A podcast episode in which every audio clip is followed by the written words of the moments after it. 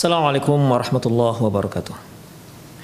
إن الحمد لله نحمده ونستعينه ونستغفره ونعوذ بالله من شرور أنفسنا وسيئات أعمالنا. من يهده الله فهو المهتد ومن يضلل فلن تجد له وليا مرشدا. أشهد أن لا إله إلا الله وحده لا شريك له وأشهد أن محمدا عبده ورسوله الذي لا نبي بعده. وقال الله سبحانه وتعالى يا أيها الذين آمنوا اتقوا الله حق تقاته ولا تموتن إلا وأنتم مسلمون. وقال وقال عز من قال يا أيها الذين آمنوا اتقوا الله وقولوا قولا سديدا. يصلح لكم أعمالكم ويغفر لكم ذنوبكم. ومن يطع الله ورسوله فقد فاز فوزا عظيما. يا أيها الناس اتقوا ربكم الذي خلقكم من نفس واحدة وخلق منها زوجها وبث منهما رجالا كثيرا ونساء واتقوا الله الذي تساءلون به والأرحام إن الله كان عليكم رقيبا. أما بعد إن أصدق الحديث كتاب الله وخير الهدي هدي محمد صلى الله عليه وسلم wa syarrul umur muhdatsatuha wa kullu muhdatsatin bid'ah wa kullu bid'atin dhalalah wa kullu dhalalatin finnar. Kaum muslimin dan kaum muslimat, para pendengar, pemirsa Rosyad TV di mana pun Anda berada, Alhamdulillah kembali kita bertemu di sore hari ini dalam kajian kitab Fikut Tarbiyatil Abna' Para pemirsa yang mudah-mudahan senantiasa mendapat rahmat dari Allah Subhanahu wa taala. Uh, di kajian lalu kita telah menyinggung terkait dengan bagaimana orang tua harus wajib untuk memperhatikan siapa teman anak-anaknya. Tidak boleh dia mengabaikannya. Jangan dia biarkan anaknya berteman dengan siapa saja yang dia kehendaki tanpa memilah dan memilih mana yang baik dan mana yang buruk. Kitalah sebagai orang tua yang memberikan masukan kepada anak-anak. Kitalah sebagai orang tua mengarahkan ke apa mengarahkan anak-anak kita dengan siapa dia harus berteman. Karena teman itu sangat besar sekali pengaruhnya terhadap akhlak dan agama si anak. Kemudian kita juga sudah bahas bolehnya orang tua untuk tajasus yaitu mengirimkan mata-mata ya mengirimkan mata-mata atau mengikuti uh, apa yang dilakukan atau aktivitas apa yang dilakukan anak kita di luar rumah. Boleh kita ikuti dia, kita mata-matai dia apa sih yang sebenarnya dilakukan oleh anak saya ini di luar rumah? Ketika dia bertemu dengan teman-temannya, apa sih aktivitasnya? Demikian. Jika dia mendengar banyak hal yang negatif tentang anak-anaknya, maka dibolehkan. Jadi untuk lebih memastikan apa benar anak dia ini uh, kurang baik di luar sana, demikian ikhwah. Atau walaupun kita tak mendengar hal itu, bolehlah sekali-sekali kita melihat apalah yang dilakukan oleh anak kita di luar sana. Demikian ikhwah. Ini tentunya sebagai tindakan preventif. Seandainya memang anak kita baik-baik saja di luar sana, alhamdulillah fabiha wa ni'mah. Namun apabila dia ternyata kurang baik, maka ini sebagai tindakan preventif agar si anak tidak hanyut lebih jauh. Agar si anak tidak tenggelam lebih dalam dalam perbuatan-perbuatan yang melanggar syariat Allah Subhanahu wa taala. Ya. Kalau sudah kita lebih e, cepat mengetahuinya, kita insya Allah lebih mudah untuk mengangkatnya kembali dari kubangan lumpur keharaman. Ya. Kita mungkin lebih mudah untuk mengangkatnya kembali ke jalannya Allah Subhanahu wa taala. Demikian ikhwah. Jadi dibolehkan, nggak ada masalah. Sebagaimana Rasulullah Sallallahu Alaihi Wasallam bahkan beliau sendiri yang langsung memata-matai ibnu Sayyad. Kemudian ikhwah kita juga sudah bahas terkait dengan kewajiban orang tua yang memang harus memilih guru yang soleh buat anak-anaknya. Ya. Tidak boleh asal guru. Ya. Tidak boleh asal guru. Mungkin di antara kita ada yang memprivat anaknya. Ada pelajaran yang sifatnya privasi, privat, ya kemudian mengundang guru ke rumah. Misalnya ini. Misalnya dia ingin agar anaknya belajar bahasa Inggris lebih dalam misalnya. Maka perhatikan jangan jangan hanya sekedar guru itu menguasai menguasai bidang ini. Jangan hanya itu tapi perhatikan akhlak dia. Jangan sampai dia tidak hanya mengajarkan anak kita bahasa Inggris tapi dia malah menularkan penyakit buruknya ke anak kita. Demikian ikhwah. Kita ingin ada agar anak-anak kita ini bisa dalam dalam uh, dalam bisa lebih lebih faham tentang uh, misalnya pelajaran matematika sehingga kita kita undang seorang guru yang ahli di bidang matematika ya untuk mengajarkan anak kita. Bolehkah? Enggak ada masalah. Dibolehkan. Tapi ingat, jangan hanya masalah kepiawaian dia, penguasaan dia terhadap bidang tersebut, tapi perhatikan juga akhlaknya. Ya, perhatikan juga akhlaknya. Demikian ikhwah apalagi kalau seandainya si anak sudah menjadi menjadikan gurunya sebagai idola dia, dia sangat kagum dengan anak dengan gurunya, sementara gurunya punya akhlak yang buruk, sementara gurunya punya kebiasaan yang melanggar syariat, merokok misalnya, atau dia punya banyak cewek misalnya. Suka bermain-main dengan wanita lain misalnya. Itu bisa menular menular ke anak kita ikhwah. Kasihan anak kita. Ya. Jadi terkadang kita sebagai orang tua yang katanya ingin mengajarkan anak kita tapi tanpa kita sadari kita sendiri yang telah merusak anak-anak kita Terkadang kita ingin memberikan yang terbaik untuk anak kita, tapi sayangnya kita masukkan ke sekolah yang tidak memperhatikan akhlak Islam. Bisa seperti itu. Ya. Akhirnya anaknya sampai tak punya akhlak. Demikian. Berapa banyak orang tua hanya memperhatikan masalah uh, apa ya? sekolah-sekolah yang eh, sekolah-sekolah favorit misalnya atau mungkin sekolah internasional yang di sana tidak diperhatikan masalah agama sama sekali. Yang diperhatikan hanyalah eh, pelajaran-pelajaran umum, terutama bahasa Inggris. Demikian. Tapi agama sama sekali tak diajarkan. Makanya para para murid siswa siswi-siswinya biasa mereka pakai rok-rok yang setengah paha misalnya. Sementara umumnya sementara kita memasukkan anak kita dalam ke, sekolah yang seperti ini. Tanpa kita sadari disadari atau tak kita sadari kita setelah menjerumuskan anak kita. Makanya ikhwah hati-hati dalam memilih guru untuk anak.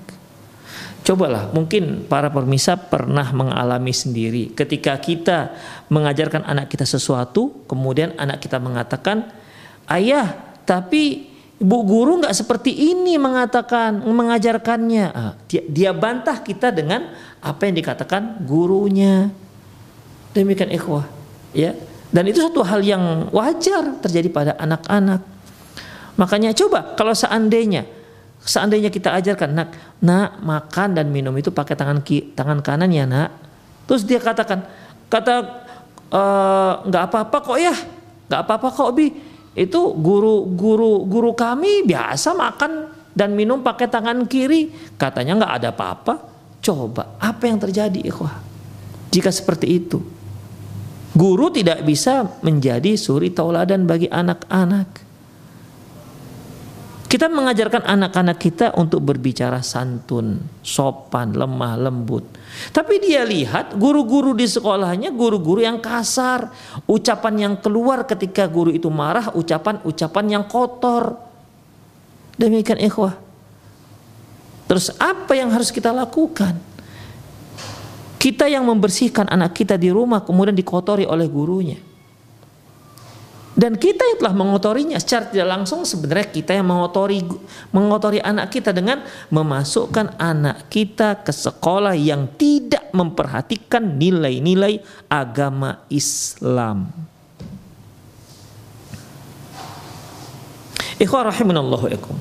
Oleh karena itu, ya, para ibu dan para bapak yang ada di rumah, ya, perhatikanlah ke siapa anak kita kita serahkan perhatikan guru-gurunya ya.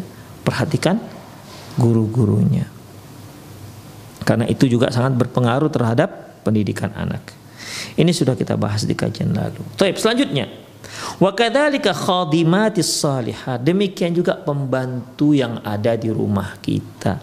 Jangan sembarangan atau asal menyewa pembantu membawa masuk ke rumah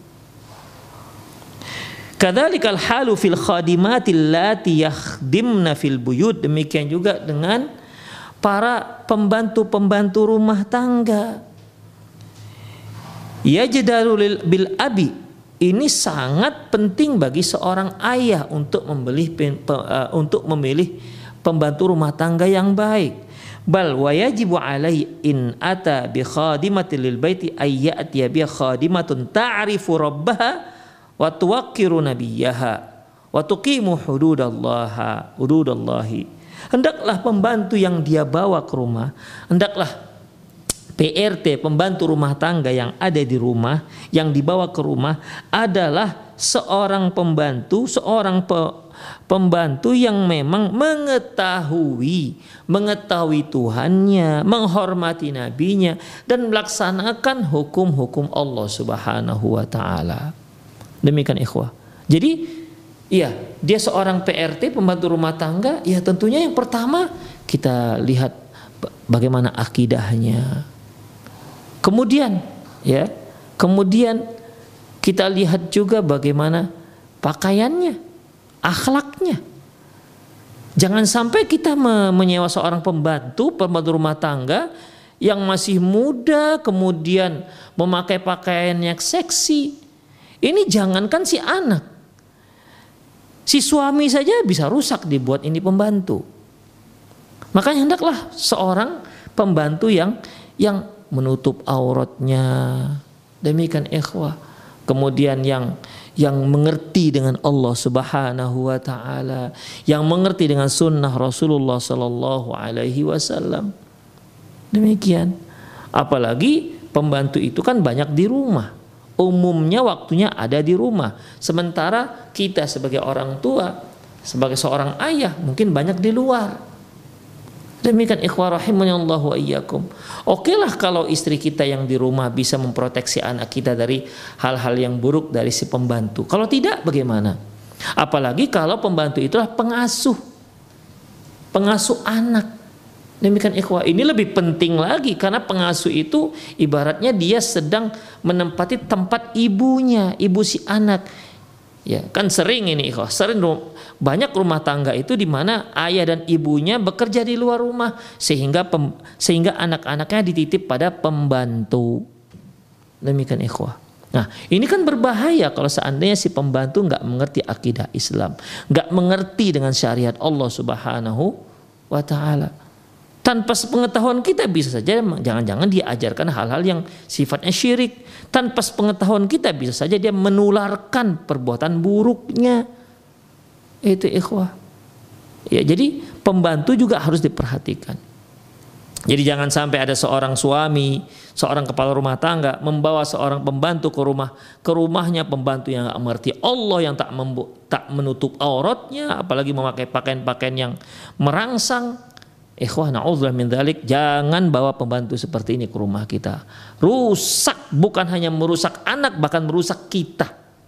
Ya, merusak kita. Demikian ikhwah. Fa innaha fil baiti bimanzilatil um lit alfali. Karena si pembantu ini di rumah itu itu mirip seperti posisi ibu bagi anak-anak. Wa yaqtabisul abna'u min sulukiha di mana anak-anak bisa meniru bisa meniru perbuatannya, bisa meniru akhlaknya. Demikian ikhwah. Kita yang hari-hari Kita yang hari-hari mengajarkan anak kita Al-Qur'an, menghafal Al-Qur'an, eh datang pembantu. Ya, kita kita sewa pembantu untuk meringankan tugas-tugas istri kita di rumah. Si pembantu suka nyanyi-nyanyi. Demikian ikhwah didengar oleh anak kita. Apalagi sampai diminati oleh anak kita. Akhirnya anak kita belajar nyanyian dari si pembantu. Demikian ikhwah. Yang namanya pembantu ya bisa saja umumnya ya pendidikannya pendidikan yang masih rendah. Demikian ikhwah. Kan banyak ini pembantu-pembantu yang hobinya nyanyi sambil dia bekerja dia menyanyi-nyanyi ya, kadang-kadang mendengarkan musik. Demikian. Apakah yang seperti ini kita bawa ke rumah? Kita bawa racun ke rumah kita. Nauzubillah min dzalik.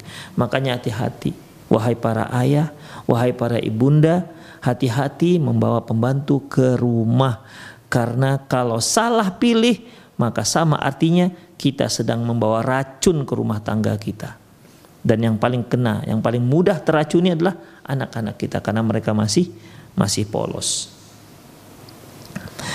Kemudian eh, wa yaqtabisul abna'u min sulukiha min akhlaqiha wa min akhlaqiha wa min thaqafatiha. Sehingga si anak ini bisa meniru, bisa meniru tingkahnya, bisa meniru akhlaknya, bahkan bisa bisa me mengambil apa namanya pengetahuannya. Ya namanya juga pembantu pembantu. Bagaimana pengetahuannya? Tumahia jalisun. Kemudian dia ini sama seperti teman jadinya imma jalisus salih kama hamilil misk.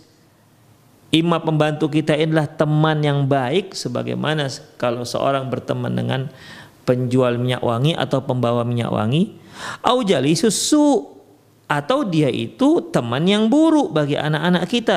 Karena fikhil kir seperti seorang yang berteman dengan uh, apa namanya seorang pandai besi alladhi yuhriku alladhi yahriku thiyaba yang bisa membakar pakaian jadi dalam masalah ini ikhwah hati-hati ya.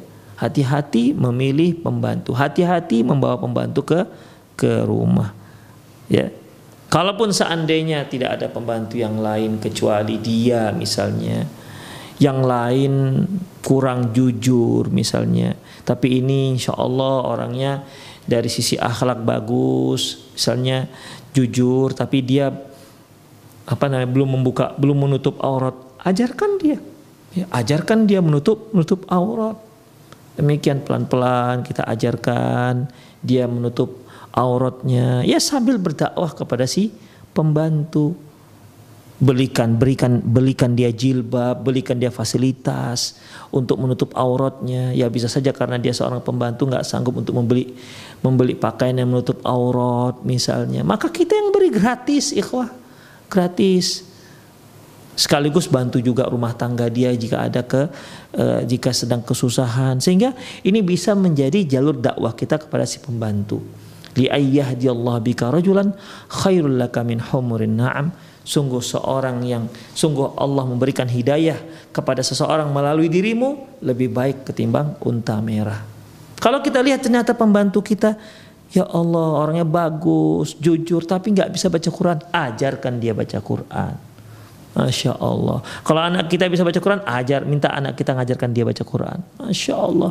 Jadi pembantu kita itu bisa bergabung dengan kita untuk tetap mentaati Allah Subhanahu wa taala. Jangan dibiarkan begitu saja. Jangan kita menganggap Allah itu urusan dia lah, bukan urusan kita. Urusan kita adalah ya tanggung jawab kita adalah anak-anak. Jangan seperti itu, karena kita sudah bawa dia ke rumah kita. Ya, karena kita sudah bawa dia ke ke rumah kita. Makanya dakwahi dia, ikhwah. Kemudian summa liyahdhar liyahdhara summa liyahdhar al-abu minal khalwati biha. Kemudian satu hal, hendaklah si ayah hati-hati jangan sampai berduaan dengan si pembantu. Ya. Karena kalau sudah berduaan misalnya ya walaupun si pembantu sudah tutup aurat ya tapi yang namanya sudah berduaan itu akan ber, akan muncul hal-hal yang tidak diinginkan Misalnya istri lagi pergi belanja, tinggallah seorang anak pergi sekolah, tinggallah si suami di rumah. Kemudian si pembantu sedang sibuk di dapur, sementara di dapur itu juga di samping dapur itu apa namanya meja makan, kita makan di sana, kita di, dilayani oleh si pembantu. Menyediakan nasi dan seterusnya menghidangkan nasi, tapi hanya kita dan dia aja di rumah. Ini bermasalah ikhwah. Ya. Jangan sampai kita berduaan, apalagi sama-sama di dapur, si pembantu sedang si pembantu sedang apa namanya sedang uh, cuci piring, kita pun dengan sangat apa namanya sangat berinisiatif untuk memasak memasak nasi goreng misalnya. Ya, ingat jangan-jangan itu bisikan setan modus supaya dekat dengan pembantu. Ikhwah Allah wa iyyakum ya. Wa kadzalikal abna'udz dzukur al-balighun. Demikian juga halnya anak-anak yang anak-anak laki-laki yang sudah balik. Fa inna nabiyya sallallahu alaihi wasallam qol sungguhnya nabi sallallahu alaihi wasallam bersabda la yakhluwanna rajulu bi imra'atin fa inna thalithuhum syaitan. Tidaklah seorang laki-laki berduaan dengan seorang perempuan kecuali yang ketiganya setan. Sebagaimana yang sudah pernah kita singgung bahwasanya yang ketiganya setan ini bukan hanya sekedar pemberitahuan Rasulullah kepada kita. Ya. Ketika Rasulullah katakan, janganlah seorang laki-laki itu berduaan dengan seorang wanita, karena yang ketiganya setan. Nah, maksudnya apa? Tentu di sini ada sesuatu, bukan eh ya udah, emang kenapa rupanya yang ketiga setan? Namanya juga setan, yang penting dia nggak ganggu. Eh, wah, ketika Rasulullah katakan kecuali yang ketiganya setan, ya secara implisit ya secara implisit Rasulullah mengatakan hati-hati kalian. Itu yang ketiganya setan. Setan itu bisa membisik-bisikkan kalian. Begitu maksudnya. Jadi jangan jangan diartikan kecuali yang ketiga setan. Ya nggak apa-apalah berempat pun setannya nggak apa-apa. Bukan ceritanya di situ dia sekedar nongkrong di situ. Kalau sudah setan berada di majelis kita dia akan merusak kita ikhwah. Ya dia akan mengganggu kita Mengganggunya bagaimana? Mengganggu agar menyeret kita pada hal-hal yang dilarang oleh Allah Subhanahu wa taala. Karena ikhwah, setan ini kan sifat ya, sifat. Sebagaimana firman Allah Subhanahu wa taala, "Wa kadzalika ja'alna likulli nabiyyin aduwan syayatinal insi wal jin." Demikianlah kami jadikan bagi setiap nabi itu ada musuh-musuh, yaitu setan setan-setan manusia dan setan-setan jin. Artinya yang memusuhi kebenaran itu setan. Baik setannya setannya manusia maupun setannya jin. Demikian. Dan ketua setan-setan inilah iblis yang dilaknat oleh Allah Subhanahu wa taala. Ingat ikhwah, ketuanya itu iblis. Iblis inilah yang terus apa namanya? Uh, mengko mengkoordinir anak-anak buahnya, setan-setannya baik dari kalangan manusia maupun kalangan jin. Supaya apa? Supaya terus menyeret manusia, membujuk manusia agar bersama dia berada dalam neraka sair. Inna syaitana lakum aduun fattakhiduhu aduwa. Sungguhnya setan itu merupakan musuh kalian. Fattakhiduhu aduwa. Jadikan setan itu sebagai musuh. Inna ma yad'u hisbahu liyakunu min ashabis sa'ir. Sungguhnya setan itu mengajak kalian, mengajak kelompoknya agar bersama dia menjadi penghuni neraka sair. Surat Fatir ayat 6. Demikian ikhwah. Sebagaimana dalam Al-Quran itu sudah menjadi komitmennya iblis. Apa kata iblis? Rabb, Rabbi bima aghwaytani la aq'udanna lahum siratakal mustaqim. Ya Allah kan engkau telah sesatkan aku. Engkau telah menjadikan aku makhluk yang sesat La aq'udanna lahum siratakal mustaqim. Aku akan duduk di tengah jalanmu yang lurus. Summa la'atiyannahum min baini aydihim min khalfihim wa an aymanihim wa an syama'ilihim wa la tajidu syakirin. Kemudian aku akan goda mereka dari depan, dari belakang, dari kanan, dari kiri dan engkau akan lihat enggak banyak mereka yang bersyukur. Itu sudah komitmennya si iblis dan setan-setannya dan tentara-tentaranya mencegah manusia jangan sampai mereka berjalan santai di di, di jalan yang lurus. Mereka nggak akan biarkan itu. Mereka tetap akan bujuk, akan bisikkan, ya, akan rayu agar mereka tidak menempuh jalan yang lurus. Inginnya si iblis ini agar manusia itu menempuh jalan kiri atau jalan kanan, tidak jalan yang lurus. Karena dia tahu jalan lurus ini menuju surga. Adapun jalan yang ada di kiri dan kanan itu ujungnya adalah neraka dan itu yang dia inginkan. Demikian ikhwah. Jadi kalau Rasulullah katakan layak luan narajul bi imra'atin tidaklah seorang laki-laki berdua-duaan dengan seorang wanita illa thalithu masyaitan kecuali yang ketiganya syaitan. Maksudnya setan ini akan menggoda mereka untuk melakukan perbuatan yang dilarang oleh Allah Subhanahu wa taala. Demikian ikhwah. Ini ikhwah yang harus di, difahami. Jadi bukan sekedar emang kenapa rupanya kalau setan ada di situ? Bukan hanya begitu, tapi mudorot adanya setan. Ingat setan nggak pernah setan nggak pernah diam dari menggoda manusia. Kalau dia tidak bisa berhasil dari depan, dia akan datang dari belakang. Kalau nggak berhasil dari depan dan belakang, dia akan datang dari dari sebelah kanan. Kalau tidak berhasil juga dia akan datang dari sebelah kiri. Intinya dia tidak berupaya sampai sampai titik-titik keringat mereka yang penghabisan. Demikian, nggak akan membiarkan manusia begitu saja berbuat baik.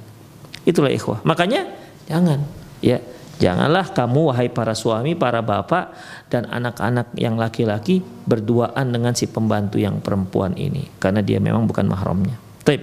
Wa qala alaihi salatu wasalam. Berkata Allah Rasulullah SAW, Iyakum maddukhula ala nisa. Jangan kalian masuk ke arealnya wanita. Faqala rajulun berkata seorang laki-laki, Ara'aita lahamu ya Rasulullah. Bagaimana kalau dengan ipar-ipar? Ya Rasulullah, qala alhamul maut. Beliau katakan ipar itu kematian. Mengapa Rasulullah sangat tegas dalam masalah ipar ini? Ikhwah, banyak kaum muslimin itu menganggap ipar itu seperti adik kandung atau seperti abang atau kakak kandung.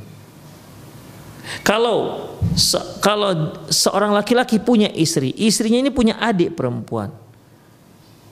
Ya, punya adik perempuan. Banyak di antara kaum muslimin yang menganggap adik perempuan istrinya seperti adik dia. Demikian. Adik istrinya seperti seperti adik dia.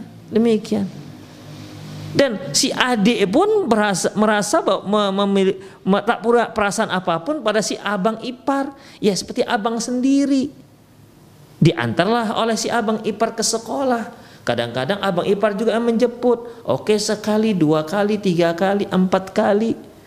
Ya, lama kelamaan akan terjadi hal-hal yang tak diinginkan, perasaan-perasaan tertentu. Demikian setan akan menggelitik terus hati mereka. Itulah ikhwah Makanya berapa banyak terjadi perselingkuhan antara antara seorang laki-laki dengan adik istrinya. Demikian inilah. Atau mungkin dengan kakak istrinya misalnya. Ya, kakak istrinya atau seorang istri bersa dengan dengan abang suaminya. Ini semua kan ikhwah Eh, kerabat-kerabat yang dianggap kerabat dekat yang akhirnya dianggap biasa-biasa saja. Padahal dari situlah setan akan masuk dan akhirnya terjadilah hal-hal yang tidak diinginkan. Makanya Rasul katakan alhamul maut. Yang namanya ipar itu kematian. Tegas sekali Rasulullah. Supaya apa? Supaya kaum muslimin jangan anggap sepele masalah ipar. Ya. Karena kan berapa banyak itu? Dalam satu rumah si istri bawa bawa adik misalnya. Si istri bawa adik perempuannya. Ya satu rumah dengan mereka. Demikian. Apalagi kalau si is, adik istrinya ini nggak ngerti pula bagaimana cara uh, menutup aurat. Nggak mengerti nggak mengerti tutup aurat itu bagaimana di depan abang iparnya. Demikian ikhwah. Ya. Atau si si si suami bawa adiknya atau bawa abangnya bersama dia demikian sementara istrinya di rumah biasa pakai celana pendek misalnya karena dianggap ya abang, abang, abang, abang awak gitu kalau orang Medan bilang kan. Demikian, dianggap biasa-biasa saja. Demikian, bahkan setan bisa masuk di sana. Demikian ikhwah. Ya, jadi karena banyaknya orang-orang menganggap ipar itu ya biasa-biasa saja, akhirnya Rasul tegaskan. Ya, karena banyak penyimpangan terjadi, pelanggaran terjadi dikarenakan antar ipar. Demikian ikhwah. Makanya alhamul maut ketika para sahabat bertanya, "Ya Rasulullah, wa kaifal maut? Wa kaifal afara'aita alhammu ya Rasulullah? Bagaimana dengan ipar ya Rasulullah?" Alhamul maut, alhamul maut. Yang namanya ipar itu kematian. Artinya hati-hati. Kemudian ikhwah rahimanallahu iyyakum. Selanjutnya, apalagi yang perlu kita ketahui tentang yang yang berpengaruh terhadap pendidikan anak yaitu wasailul i'lami wa atharuha yaitu media-media sosial dan pengaruhnya ikhwah apalagi sekarang ini luar biasa pengaruh media sosial terhadap diri kita, terhadap istri kita, terhadap anak-anak kita itu sangat besar sekali. Apalagi dengan memasyarakat memasyarakatnya internet. Apalagi masing-masing kita sudah memiliki satu smartphone. Bahkan terkadang bukan hanya bukan hanya satu, bahkan kadang dua. Demikian ikhwah. Ya, di mana di internet ini kita bisa melihat apa saja yang kita inginkan. Kita bisa berselancar ke mana saja yang kita inginkan tanpa diketahui oleh orang lain. Bahkan kita bisa memberikan kode khusus untuk HP kita agar tidak bisa dibuka oleh orang lain. Betul-betul privasi. Berapa banyak orang yang takut kalau HP-nya kalau dipegang orang lain. Karena ketahuan nanti rahasianya. Ikhwah, media-media ini ya itu sangat besar sekali pengaruhnya kepada kepada kehidupan ke, kepada kehidupan umat manusia. Hanya saja perlu kita ketahui bahwasanya ikhwah hukum asal media massa media sosial apakah dia itu internet apakah dia itu uh, Facebook, Instagram, Telegram apalagi dan lain-lainnya ya YouTube dan lain-lainnya ini pada dasarnya ini adalah sarana ya ini pada dasarnya adalah sarana yang Allah Subhanahu wa taala berikan kepada kita. Ini merupakan nikmat yang Allah anugerahkan kepada kita. Hanya saja sarana ini itu ibaratnya sama seperti pisau. Pisau adalah sebuah pesawat yang memudahkan kita untuk bekerja, untuk memotong sesuatu dalam kehidupan kita. Demikian ikhwah untuk dipergunakan untuk memudahkan kaum ibu-ibu untuk masak di rumah ya dengan memotong-motong apa yang perlu dipotong untuk memudahkan kaum muslimin untuk menyembelih ah, demikian ikhwah intinya hukumnya tidak ada masalah hukum dasarnya mubah. Tinggal ke mana kita gunakan. Ya, pisau ini ke mana kita gunakan? Jika kita gunakan untuk hal-hal yang mubah maka mubahlah dia. Jika kita gunakan untuk hal-hal yang disunnahkan maka sunnahlah dia. Berpahala kita. Seperti yang mubah misalnya kita gunakan untuk potong bawang, nggak ada masalah. Kita gunakan untuk motong tali, nggak ada masalah. Hukumnya mubah. Kalau kita gunakan untuk menyembelih hewan Idul Adha misalnya hewan akikah, maka kita berpahala. Demikian. Iya. Dan bisa juga dia bisa menjadi hal-hal yang negatif. Pisau digunakan untuk merampok misalnya, digunakan untuk membunuh orang, digunakan untuk memeras, Demikian pisau juga dengan pisau yang sama. Jadi eh, media-media sosial ini sebenarnya senjata bermata dua. Tinggal orangnya, pelakunya, ke mana dia gunakan media sosial ini, baik media cetak maupun media elektronika. Ke mana dia gunakan? Kalau dia gunakan untuk hal-hal yang negatif, berdosalah dia. Kalau dia gunakan untuk hal yang positif, maka berpahalalah dia. Televisi misalnya, apa hukum televisi? Ya, apa hukum televisi? Televisi nggak ada masalah. Demikian. Ya, tidak ada masalah. Masalah hukum televisi. Boleh kita memiliki televisi, tapi ingat siarannya. Demikian. Ingat siarannya.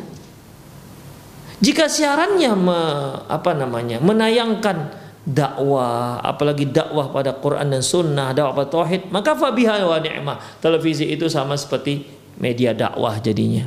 Semoga ketika kita menayangkan media-media dakwah saja di, televisi kita, ya, ketika saudara kita datang, ketika family kita datang, kita setel itu sehingga mereka, kalaupun kita nggak mendakwahi mereka, biasa sedikit banyak mendengar dari televisi dakwah tersebut, maka berpahala, ikhwah, ya, maka berpahala. Demikian ikhwah. Ya terkadang kan kita tidak pandai untuk menceritakan beginilah manhaj salaf, beginilah seharusnya kita akidah seorang muslim. Kita nggak pandai, tapi dengan dengan kita setel saja di sana kajian masa tauhid misalnya, udah udah kita sambil ngobrol atau sambil makan, sedikit-sedikit dia ada dilirik oleh oleh tamu kita, mungkin dia tertarik, ini siapa ini? Ini apa kajiannya kok bagus? Demikian ikhwah. Maka ini termasuk dalam eh, sabda Rasulullah man dalla al khair falahu mislu mislu ajri fa'ilihi. Barang siapa yang menunjukkan kebaikan, maka dia dapat pahala seperti orang pahala orang yang melakukannya. Demikian ikhwah rahimani Allahu wa iyyakum. Demikian juga Facebook, Facebook, WhatsApp, apalagi Instagram, Telegram sama, YouTube sama ikhwah. Ya, tinggal Ke mana kita gunakan? Ini tinggal, jadi dunia ini sekarang ada di tangan kita. Makanya hati-hati, ya, memberikan fasilitas ini kepada anak-anak kita harus sangat berhati-hati. Ya, terkadang rumah seorang muslim itu disediakan wifi. Ya, kalau kita belikan paket kepada anak-anak paketnya misalnya untuk dia belajar apalagi sekarang ini masih ada lagi yang belajar daring ya. Perlu paket perlu perlu internet. Ah coba perhatikan. Gara-gara eh, apa namanya eh, sistem sekolah seperti ini pembelajaran seperti ini ya memang apa namanya kondisi yang mengharuskan seperti itu tapi jangan kita lepas kontrol Berapa jam anak kita menggunakan itu untuk belajar dan berapa jam dia gunakan untuk yang lainnya? Nanti jangan-jangan hanya satu jam digunakan untuk belajar, sisanya dia gunakan untuk yang lain-lain yang gak bermanfaat. Atau digunakan untuk hal-hal yang malah memudaratkan dia. Hati-hati. Ya, hati-hati. Demikian. Apalagi kalau kita pasang wifi di rumah, jadi istilahnya mereka buat apa saja tanpa ada keterbatasan, terbatasnya kuota. Makanya ikhwah dalam masalah ini media-media sosial, ya media-media masa itu sangat besar sekali pengaruhnya terhadap pendidikan anak-anak kita. Amma wasailul i'lamil mar'iyyati wal masmu'ati wal makru'ati adapun media-media media-media sosial apakah itu berupa video maupun audio ataupun berupa bacaan fa khatruha fi katsirin minal buldani 'azim. Bahayanya ini sangat besar di berbagai negara. Wadaruruha jasim. Ya dan dampak negatifnya sangat besar wa kam min khuluqin qad sa'a bisababiha berapa banyak akhlak-akhlak menjadi buruk gara-gara media sosial wa kam min fahishatin qad irtakabat bisababiha berapa banyak tindakan-tindakan keji dilakukan gara-gara media sosial. Dia tiru dari apa yang dia lihat di media sosial. Wa kam min benin qad aqwa abawaih. Berapa banyak anak menjadi durhaka gara-gara media sosial. Wa kam min sadiqin qad ghadara bi asdiqaihi. Berapa banyak teman yang mengkhianati temannya gara-gara media sosial. Wa kam min maka min mar'atin maka min imra'atin qad khanat zaujaha Berapa banyak wanita akhirnya mengkhianati suaminya. Berselingkuh dia dengan laki-laki lain yang dia kenal melalui Facebook, yang dia kenal melalui internet, yang tadinya hanya sekedar uh, DM saja, sekedar hai, assalamualaikum dijawab waalaikumsalam, kemudian berkelanjutan, yang akhirnya berlanjut pada kopdar kata orang, kopi darat. Karena sudah merasa nyaman, selalu curhat dengan si laki-laki ini di si, si, si istri merasa sudah sangat nyaman laki-laki dengan laki-laki ini sehingga uh, dengan suaminya terasa tidak nyaman ini setan semua ikhwah. Ya ini semua setan. Berapa banyak seorang itu ikhwah uh, apa namanya merasa kok suami saya nggak perhatian ya? Seperti teman saya yang di teman laki-laki saya yang di di Facebook ini dia sangat perhatian Demikian. Kalau saya tidak chatting dia satu hari saja dia merasa apa gimana di apa kabarnya di sehat apa tidak. Suami saya tidak pernah menanyakan kepada saya bagaimana kondisi dia sehat apa tidak. Demikian. Bahkan mengatakan adik sayang apa kabarnya mengatakan sayang itu nggak pernah tapi dia ini laki-laki ini sering sekali mengatakan sayangku sayangku naudzubillah min akhirnya apa jatuhlah hatinya kepada si laki-laki yang nggak jelas itu ikhwah. Namanya juga laki-laki. Ya, laki-laki dia berbicara tanpa resiko, ikhwah. Dia bicara dengan istri orang. Banyak kejadian akhirnya seorang istri lari dari suaminya dan pergi pergi ingin bertemu dengan laki-laki idamannya yang dia kenal di internet yang jelas yang jelas tidak jelas dianya itu. Yang sudah sangat jelas bahwasanya dia nggak jelas. Demikian ikhwah. Bahkan naudzubillah min dzalik terjadi pezinahan. Ya, berkali-kali terjadi. Si suami tak menyadari hal itu. Demikian ikhwah Allah wa iyyakum. Ya, gara-gara apa? Gara-gara media sosial. Demikian. Kadang dengan teman kerja apalagi sekarang ini ikhwah Seorang bisa komunikasi kapan saja dan di mana saja, baik dengan ucapan maupun dengan video langsung. Demikian. Jadi kemungkinan besar untuk berbuat buruk itu sangat besar peluangnya. Untuk berbuat tercela itu besar sekali peluangnya. Tinggal kesepakatan dari dari kedua belah pihak jadi. Tinggal mencari tempat yang kozi untuk ber, berkomunikasi. Demikian ikhwah. Kenapa tidak? Mudah. Hal itu bisa terjadi. Apalagi sekarang komunikasi juga nggak mahal kan. Kalau dulu 20 tahun yang lalu komunikasi kita mahal per menitnya sekian puluh ribu. Sekarang tidak. Ya, bisa berkomunikasi berjam-jam bahkan dengan videonya langsung paling hanya habis berapa berapa mega, berapa megabit. Demikian ikhwah. Jadi mudah sekali. Berapa banyak para istri yang mengkhianati suaminya gara-gara media sosial. Wa kam min zaujin qad. Berapa banyak para suami dicerainya istrinya gara-gara apa? Gara-gara media sosial. Ketika dia terhasut dengan seorang wanita yang dia kenal di media sosial, dia dia anggap lebih cantik, lebih bening. Nauzubillah min dzalik kita lihat ikhwah bagaimana gambar-gambar perempuan-perempuan yang pakai filter yang menjadi terlihat lebih cantik, lebih indah, lebih menarik, lebih mendayu-dayu ketika dia ditelepon. Beda dengan istri, istri kok lama-lama tambah gelap. Istri kok ngomongnya biasa-biasa tapi di sana mendayu-dayu, menarik hati. Itulah setan tadi itu. Demikian. Akhirnya terjadi pertengkaran, merasa bahwasanya wanita yang dia dapati di media sosial itu lebih baik dibandingkan istrinya padahal istrinya setelah berkhidmat dengan dia puluhan tahun telah memberikan kebaikan pada pada pada pada rumah tangganya telah mendidik anak-anaknya sehingga dengan datangnya wanita kedua seolah istri nggak punya nggak punya jasa sedikit pun di rumah tangganya naudzubillah min dalik setan ikhwah masuk di sana akhirnya dicerailah sang istri Berapa banyak sang suami ketika mencerai istrinya gara-gara masalah seperti ini. Ujung-ujungnya apa? Menyesal. Itu dia. Apalagi kalau si istri sudah dilamar oleh orang lain. Sama seperti yang tadi. Berapa banyak sang istri ya karena dia sudah mengenal laki-laki lain. Ah, minta cerai saja, minta cerai. Dia lihat suaminya kok nggak seperti laki-laki yang dia kenal di internet itu. Ketika sudah dicerai baru menyesal. Itu ikhwah. Ini bahayanya. Ya. Kemudian wa kam min wa kullu dzalika. Ini semua gara-gara gara-gara media sosial.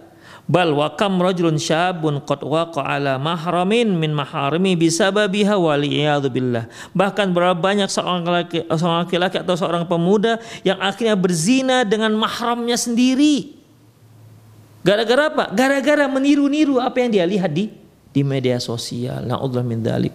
Ayah berzina dengan anaknya sendiri. Paman berzina dengan keponakannya sendiri. Na'udzubillah min dalik. Bahkan adik dengan kakak. Gara-gara apa? Ingin meniru-niru apa yang dia lihat di media sosial. Media sosial itu sampah ikhwah. Ya sampah, berbagai berbagai bangkai ada di sana. Makanya harus hati-hati anak-anak kita harus kita protek dari ini semua. Demikian ikhwah. Ya kalaupun ya bukan berarti kita nggak membolehkan mereka untuk mengetahui yang namanya internet. Ajarkan tapi batasi. Ya, ajarkan tapi arahkan. Ajarkan dan arahkan sehingga melalui media sosial itu banyak juga hal-hal yang bermanfaat. Berapa banyak orang yang dapat hidayah gara-gara media sosial. Berapa banyak orang yang mendapat hidayah dikarenakan melihat video seorang ustadz yang hanya satu atau dua menit saja. Demikian juga banyak besar manfaatnya. Ya, Banyak orang mendapat hidayah gara di, melalui media media sosial, masya Allah. Ya, para ustadz-ustadz kita, masya Allah luar biasa ikhwah dalam masalah ini. Ketika mendapatkan satu potongan video, orang yang di sana bisa mendapat hidayah. Demikian ikhwah, rahimahnya Allah luar biasa. Tapi kerusakannya juga luar biasa jika kita tidak kita tidak protek hal ini semua dari anak-anak kita bahkan dari kita ya. Jangankan anak-anak kita kita saja bisa terpengaruh dengan media sosial itu. Kemudian fala haula wala quwata illa billah. Kam fiha min salat. Berapa banyak salat itu disia-siakan gara-gara media sosial. Chattingan terus update status akhirnya adzan sudah berkumandang. Hayyal shalah masih diabaikan. Wa kam fiha mittiba'il syahwat. Berapa banyak akibat ini? Akhirnya para uh, orang-orang uh, mengikuti syahwatnya. Wa kam fiha min tahyizi tahyiji ala fawahish berapa banyak gara-gara media ini ya akhirnya menggolakkan menggejolakkan syahwat mendorong orang untuk berbuat tindakan keji wa kam fiha min tazinil lil batil berapa banyak dari media sosial ini yang isinya adalah menghiasi yang batil. Ini batil, ini bid'ah, ini haram, tapi ada orang-orang yang menghiasi ini semua sehingga yang haram itu menjadi tidak haram, yang bid'ah itu menjadi dibolehkan dan disunahkan. Wasukhriyatu minal iman dan berapa banyak juga di sana ada terdapat orang-orang yang mengolok-olok keimanan. Wa ah uh, wa ahliya mengolok-olok keimanan orang yang beriman. Banyak ikhwala ilaha illallah kita lihat sekarang. Mengolok-olok dengan berbagai macam pernyataan-pernyataan. Seorang yang melaksanakan sunnah seperti misalnya memakai jenggot, belar jenggot dianggap apalah kata mereka. Seorang yang seorang pemudi yang pakai jilbab dianggap apalah oleh mereka dengan kalimat-kalimat yang mengolok-olok. Waddin dan mengolok-olok agama wa mani'ta wa mani'ta wa mani'ta dan orang yang memeluk agama tersebut. Demikian ikhwan rahimanallah oleh karena itu kita sebagai orang tua perhatikan ya perhatikan hal-hal yang terkait dengan media sosial internet ya internet ini yang sangat sangat besar pengaruhnya terhadap anak-anak kita ima pengaruh positif atau pengaruh negatif. Tapi biasanya cenderungnya itu pengaruh negatifnya lebih besar ketimbang pengaruh positifnya. Demikianlah para pemirsa sekalian, semoga apa yang kita bahas bermanfaat. Taib aku lu qauli hadza wa astaghfirullah li wa lakum muslimin innahu huwal ghafur rahim. Bagi para pemirsa yang ingin bertanya, Anda boleh hubungi langsung nomor yang ada tertera di pesawat di, uh, di pesawat televisi Anda atau juga boleh tuliskan pertanyaan Anda dan kirim ke nomor yang sama melalui via WhatsApp. Atau juga Anda boleh kirim langsung ke nomor saya ini yaitu di 0895 6113 27778. 0895 6113 27778. Assalamualaikum Ustaz. Jika kita bawa anak kita ke WC, apakah yang harus kita baca? Allahu alam bisawab. Ya kita bisa baca apa yang biasa kita baca. Misalnya anak kita ini mau buang air besar nih, ya, ya kan belum bisa baca. Maka kita baca, kita yang baca. Demikian. Ya kalau memang memungkinkan untuk kita baca seperti ini. Allahumma inni u'idzuhu ya minal khubusi wal khabais. Kalau kita baca sendiri Allahumma inni a'udzubika minal khubusil khabais. Ya Allah, aku berlindung kepadamu dari setan laki-laki dan setan perempuan. Ini kita baca Allahumma inni u'idzuhu minal khubusi wal khabais. Allahumma inni u'idzuhu ya Allah, mohon perlindungan pada mohon perlindungan untuk anakku ya dari setan laki-laki dan setan perempuan. Demikian. Allahu alam bisawab. Kalau kita nggak nggak nggak pandai menggunakan ini, ya udah baca aja sebagaimana kita masuk ke dalam ke dalam WC dan niatkan juga anak kita termasuk dalamnya. Allahu alam bisawab. Halo? Halo? Ya. Ya, silakan Bu. Ya. Uh, Assalamualaikum warahmatullahi wabarakatuh Ustaz. Waalaikumsalam warahmatullahi wabarakatuh. Dengan Ibu siapa dan dari mana? Ibu Fadilah di Pagar Alam Sumatera Selatan Ustaz. Ya silakan Ibu. Uh, izin tanya Ustaz. Uh, Ustaz saya sudah tahun satu tahun ini kan uh, sudah mulai hijrah ke manhaj salaf. Ya, alhamdulillah. Uh, karena lihat televi di televisi-televisi dakwah ini Ustaz. Ya, nah, tetapi suami saya masih belum mau belum ini apa belum mungkin belum terbuka hatinya ya Ustaz yeah. ya. Mm -hmm. Masih katanya kita kan dari nenek-nenek kita NU katanya. Kenapa harus ini uh, bagaimana saya menyikapinya Ustaz? Apakah saya mau turutin suami? Nah, kan anak saya ini kan sekolah di pesantren Ustaz ya. Hmm. Nah, ternyata pesantrennya itu bukan manhaj salaf. Nah, kan saya sudah ajak ke As'aria, kayaknya As'ari apa itu hmm. Ustaz ya. Nah, saya kan uh, sudah ngomong sama suami gimana kalau kita pindahkan ke mazhab salaf? Pokoknya saya tidak mau katanya. Saya tidak mau kalau mau pindah ke mazhab salaf kata suami saya tidak mau membiayai.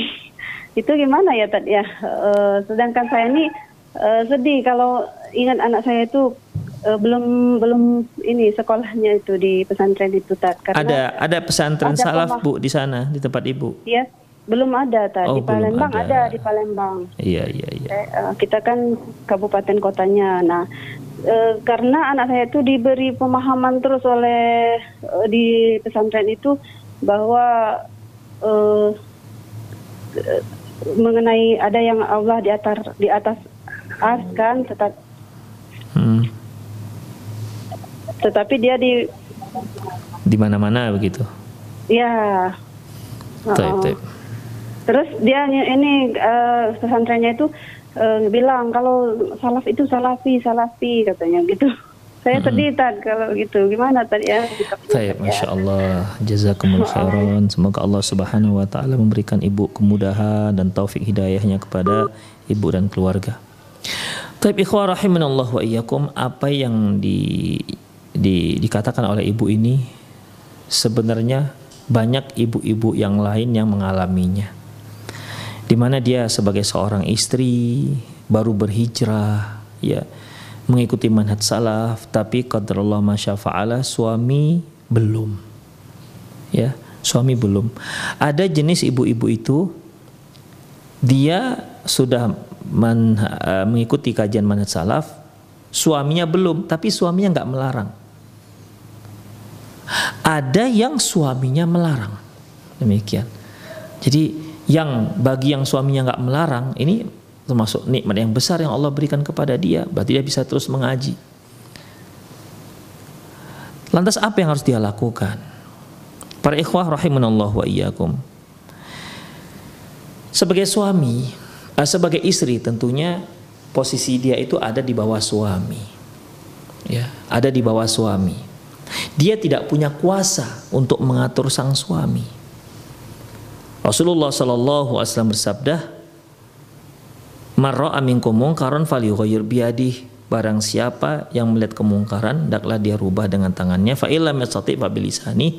Kalau nggak sanggup maka dengan lisannya. Fa illam yastati fa biqalbi. Kalau nggak sanggup juga berarti dengan dengan hatinya. Artinya istri nggak bisa bersikap tegas dengan sang suami. Tapi dia hanya bisa ud'u ila rabb ila sabil rabbika bil hikmati wal mau'izatil hasanah ajaklah ke jalan Tuhanmu bil hikmati wal mau'izah dengan hikmah dan dengan peringatan yang baik. Wajadilhum diskusilah billati ya ahsan dengan cara yang terbaik. Jadi di sini mengajak ya, mengajak. Oleh karena itu seorang istri hendaklah dia harus tahu posisi dia, dia adalah da'iyah walaisa hakimah. Bahwasanya istri itu mengajak, hanya bisa mengajak walaisat bihakimah. Bukan seorang hakim yang memfonis menetapkan hukum buat suaminya. Jadi yang bisa hanya yang bisa ibu lakukan ya hanya sekedar mengajak dengan cara yang terbaik. Sekali dua kali dan terus diajak diajak. Sembari dengan semakin meningkatkan akhlak ya. Sehingga suami bisa merasakan adikku ini istriku ini selama dia ngaji salaf Masya Allah akhlak semakin baik, khidmatnya, tutur katanya semakin sopan santun. semakin taat kepada sang suami sehingga suami bisa semoga dengan cara seperti itu Allah gerakkan hati suami untuk tertarik dengan dakwah ini. Jadi ibu tingkatkan khidmat. Ya. Adapun anak itu hanyalah apa namanya? Ini rentetan dari ini semua. Makanya ajaklah ibu. Ibu ajak dengan cara yang terbaik, ya komunikasi dengan cara yang baik dan dan yang paling mudah itu yaitu ibu tingkatkan prestasi ibu dalam melayani sang suami. Ya, semakin lembutlah ibu di hadapan sang suami, semakin taatlah ibu di hadapan sang suami. Dan satu lagi, semakin taatlah kepada Allah Subhanahu wa taala. Karena ketaatan kita kepada Allah Subhanahu wa taala itu berbanding sama dengan uh, hubungan kita dengan dengan manusia. Demikian dan banyak berdoa kepada Allah Subhanahu wa taala. Tidak ada yang bisa dilakukan kecuali hanya itu. Seorang istri hanya bisa melakukan hal itu. Ya. Kalau sudah suami mengatakan seperti itu, anak nggak mau saya uh, apa namanya, nggak mau saya pindahkan ke pesantren salaf misalnya, udah di situ aja. Ya ibu juga nggak bisa buat apa-apa. Makanya ajaklah dengan cara yang baik, pelan-pelan, ya jangan tergesa-gesa. Uh, dan apa namanya belilah buku. Kalau ibu nggak bisa apa minta dia baca letak saja di meja. Mungkin ada pembahasan-pembahasan yang menarik untuk sang suami. Demikian ikhwah rahimani Allah atau berilah ada video-video pendek ya kan? Banyak ustaz, kita ustaz Syafiq banyak video pendeknya ustaz Firanda juga banyak video-video pendek yang masya Allah yang sangat bagus-bagus yang apa namanya yang insya Allah bisa menggugah Ustadz Nuzul misalnya banyak video-video mereka ini masya Allah ya bisa menggugah orang-orang yang uh, untuk mengaji pada kajian salaf demikian ikhwah ya Itulah yang bisa ibu lakukan. Adapun untuk memaksa, untuk yang lain nggak bisa. Satu lagi, jangan lupa ini banyak berdoa kepada Allah Subhanahu wa taala. Ya. Banyak berdoa kepada Allah Subhanahu wa taala. Saya ulangi sekali lagi. Pertama yaitu ibu hendaklah semakin baik akhlaknya, semakin sopan dan semakin santun. Ya, semakin baguskan khidmat kepada sang suami. Yang kedua yaitu ya banyak berdoa ajak dengan cara yang baik ajak dengan cara yang terbaik dengan lemah lembut cari waktu yang paling tepat untuk mengajak suami. Atau bicaralah satu permasalahan ya dengan cara yang terbaik. Masalah apa sajalah yang pas waktunya pas timingnya bicarakan misalnya. Kemudian banyak doa kepada Allah Subhanahu wa taala. Adapun anak ibu nggak bisa berbuat apa-apa dalam masalah ini karena itu sudah keputusan suami. Ya itu sudah keputusan suami. Jika ternyata ya ibu sudah menyampaikan suami tak bersekekeh tidak katanya ya sudah ya itu semua merupakan tanggung jawab suami di hadapan Allah Subhanahu wa taala. Allahu alam bisawab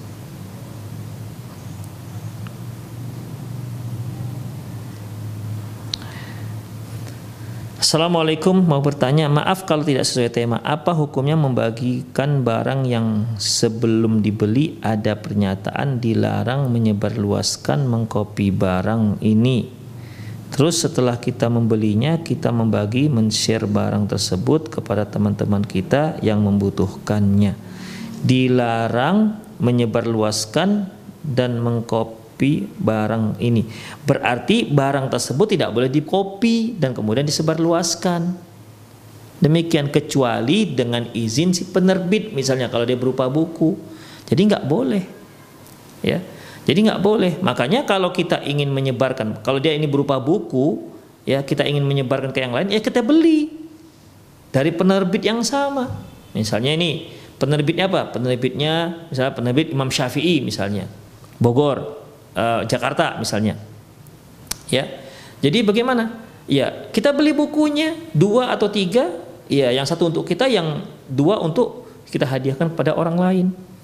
Demikian karena di situ ada larangan, nggak boleh kita copy ini buku kemudian kita sebarkan kepada orang orang lain. Kecuali kalau kita sudah minta izin. Boleh nggak ini saya copy bukunya? Karena kalau saya beli kalau saya beli yang asli mahal boleh nggak saya kopi saya untuk bagi-bagikan bukan bukan untuk uh, saya saya saya bisniskan. Boleh kata mereka silakan. Kalau nggak nggak boleh. Demikian. Jadi nggak dibolehkan.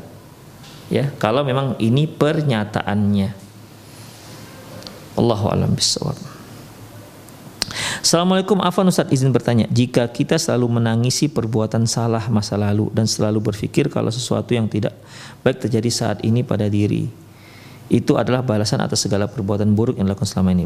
Berpikiran seperti itu apakah salah Ustaz? Apakah itu termasuk selalu berkeluh kesah? Syukran barakallahu fiqh Ikhwa rahimahullah wa iyyakum.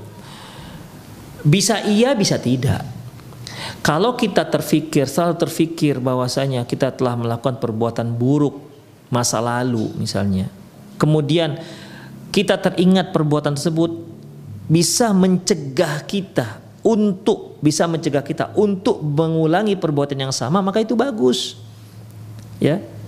Tetapi kalau kita teringat kemudian akibat buruknya kita kita dapati sekarang. Kemudian akhirnya kita menyesali hal itu. Kenapalah seperti ini? Akhirnya kita pun uh, menyesali diri kita. Kenapa dahulu kita lakukan seperti ini sehingga dampak buruknya kepada saya begini begini dan seterusnya. Seandainya dulu saya nggak begitu. Ikhwah ini sudah membuka pintu setan. Nggak dibolehkan. Ya. Karena kalau kita sudah bertaubat kita sudah bertaubat ya sudah. Ya Serahkan semua kepada Allah Subhanahu wa taala. Dampak buruk akibat perbuatan tersebut ya sudah kita terima ya dan kita perbaiki ke depannya dengan yang lebih baik. Demikian. Tapi kalau terus menangisi akhirnya apa namanya kehidupan pun menjadi buram suram ke depannya, ini nggak dibolehkan. Ya, ini jelas tidak dibolehkan. Menyesali perbuatan yang lalu, boleh menyesali perbuatan yang lalu tapi sepertinya ini pertanyaan bukan sekedar menyesali perbuatan lalu, tapi dikarenakan dampak buruknya sekarang ini kan, itu yang disesali. Ya, seandainya tidak ada dampak buruknya, mungkin nggak bisa nggak begitu menyesalinya. Demikian. Jadi oleh karena itu, ya, uh, ketika kita sudah tobat terhadap perbuatan buruk tersebut dan kita sudah kita langsung sendiri telah mendapatkan dampak buruknya, terimalah dampak buruk tersebut, terimalah uh, ketetapan Allah Subhanahu wa taala bersabarlah dan tatalah kehidupan kita ke depan dengan cara yang lebih baik sehingga kita tidak mengulangi perbuatan yang yang lalu yang telah yang pernah kita lakukan dan tambahlah kualitas ibadah kita kedekatan kita kepada Allah Subhanahu wa taala. Allahu alam bisawab. Ikhwah sepertinya waktu kita sudah habis ya. Seperti itu sajalah kajian kita di sore hari ini. Semoga sedikit yang disampaikan tadi bermanfaat. Aku lu qouli hadza wastaghfirullah li wa lakum wa muslimin innahu wal ghafur rahim. Kita akhiri dengan doa kafatul majlis subhanakallahumma bihamdika asyhadu an la ilaha illa anta astaghfiruka wa atubu ilaik wa akhiru da'wana alhamdulillahirabbil alamin. Assalamualaikum warahmatullahi wabarakatuh.